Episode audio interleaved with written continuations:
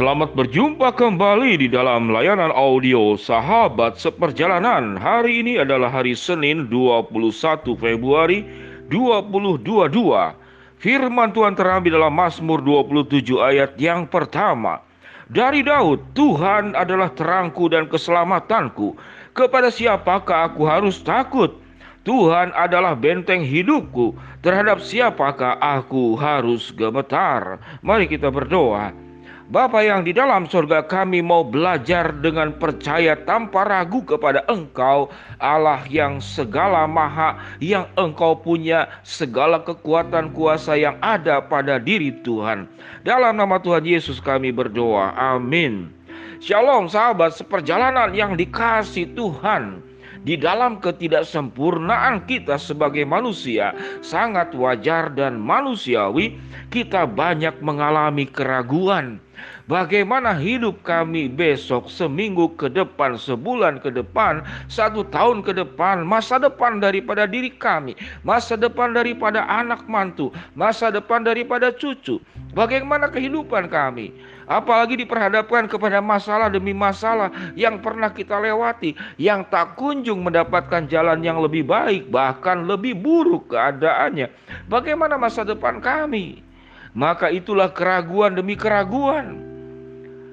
Masalah-masalah yang menghimpit, yang menekan setiap sahabat seperjalanan bisa membuat kita ragu melangkah untuk setiap langkah jalan yang harus kita lalui di depannya.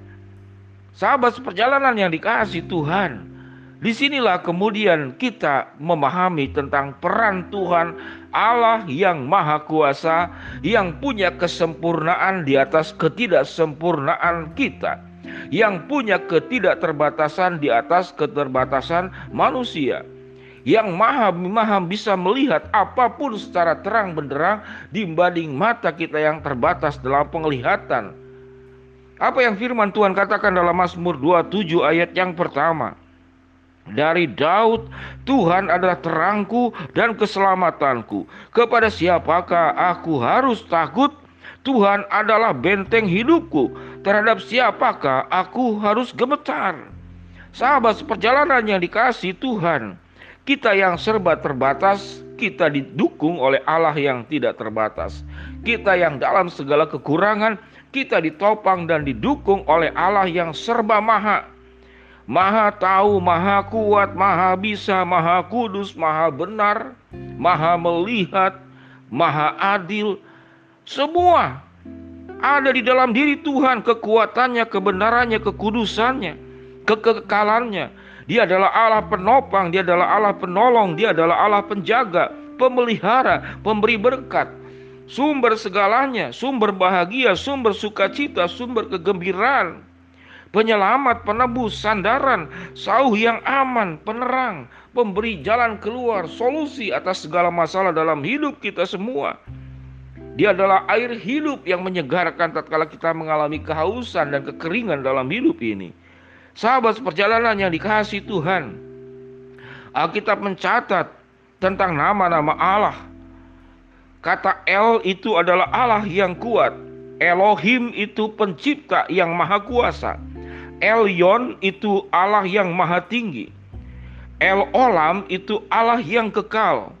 El Roy itu Allah yang maha melihat. El Shaddai itu adalah Allah yang maha perkasa. El yaitu Allah yang serba segala sesuatu ada pada dirinya.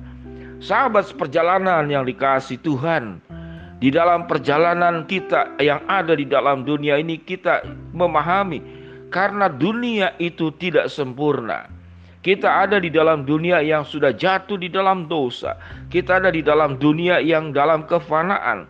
Dan kita ada di dalam dunia yang semua manusia yang ada di dalamnya adalah manusia berdosa.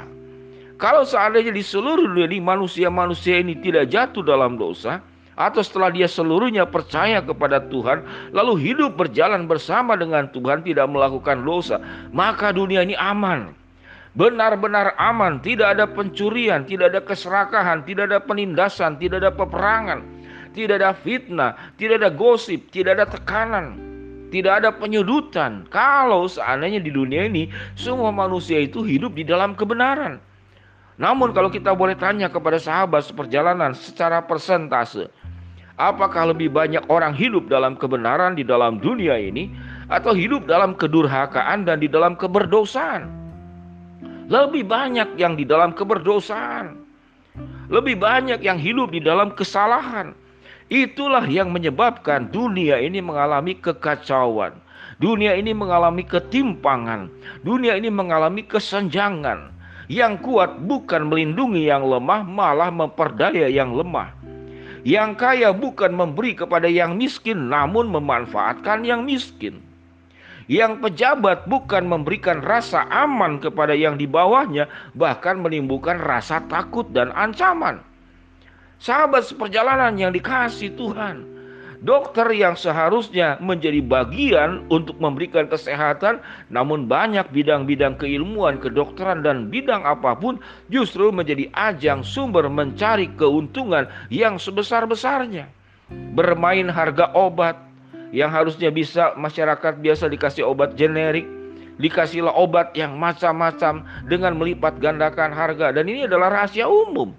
Karena saya bergaul dengan beberapa dokter dan itu yang disampaikan itu hanya dalam bidang kedokteran. Belum dalam bidang-bidang lainnya. Guru-guru yang menjual buku kemudian dilipat gandakan, dilipat dan segala macam. Hamba Tuhan yang melayani para pendeta dengan atas nama melayani gereja sebetulnya dalam bahasa Hakka itu cokautong.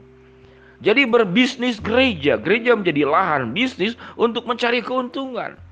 Apalagi di semua aspek kehidupan ini adalah aspek di mana keberdosaan masuk di dalamnya yang membuat kacau balau, yang membuat kita hidup tidak tenang, kita terancam, kita teraniaya, kita disudutkan, kita disalahpahami, kita dihianati, kita difitnah. Oleh siapa? Bahkan oleh orang terdekat dalam kehidupan kita. Bisa suami, bisa istri, bisa orang tua, bisa mertua, bisa mantu. Bisa sahabat, bisa teman semasa kecil mengkhianati kita. Kita berada di tengah-tengah semuanya adalah binatang-binatang buas yang bernama manusia. Itulah binatang buas itu sesungguhnya kan di hutan hukum rimba. Namun hukum rimba itu rupanya berlaku di kalangan yang bernama manusia yang berdosa. Siapa yang kuat, siapa yang menang, siapa yang kuat, siapa yang menindas. Sehingga mereka yang tidak sanggup bertahan dalam persaingan. Mereka menjadi orang-orang yang penuh dengan keraguan. Yang kurang penuh dengan kekhawatiran, yang berlebih penuh dengan keserakahan. Yang sehat kemudian memakai kesehatan untuk berfoya-foya Sementara yang sakit berpikir bagaimana mendapatkan obat untuk kesembuhan namun tidak mendapatkan.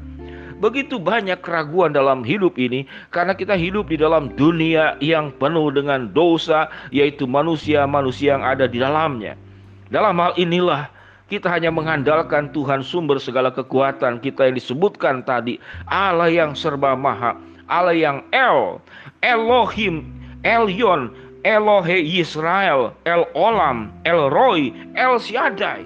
Firman Tuhan Mazmur 27 ayat yang pertama. Dari Daud, Tuhan adalah terangku dan keselamatanku. Kepada siapakah aku harus takut? Tuhan adalah benteng hidupku terhadap siapa aku harus gemetar.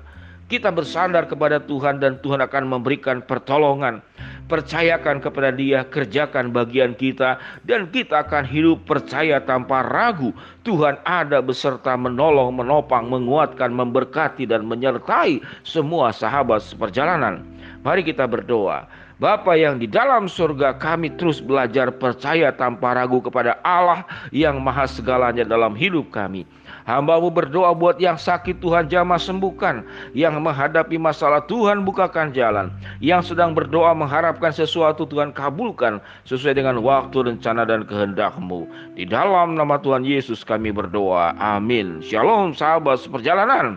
Percayalah tanpa ragu Tuhan memberkati kita semua. Amin.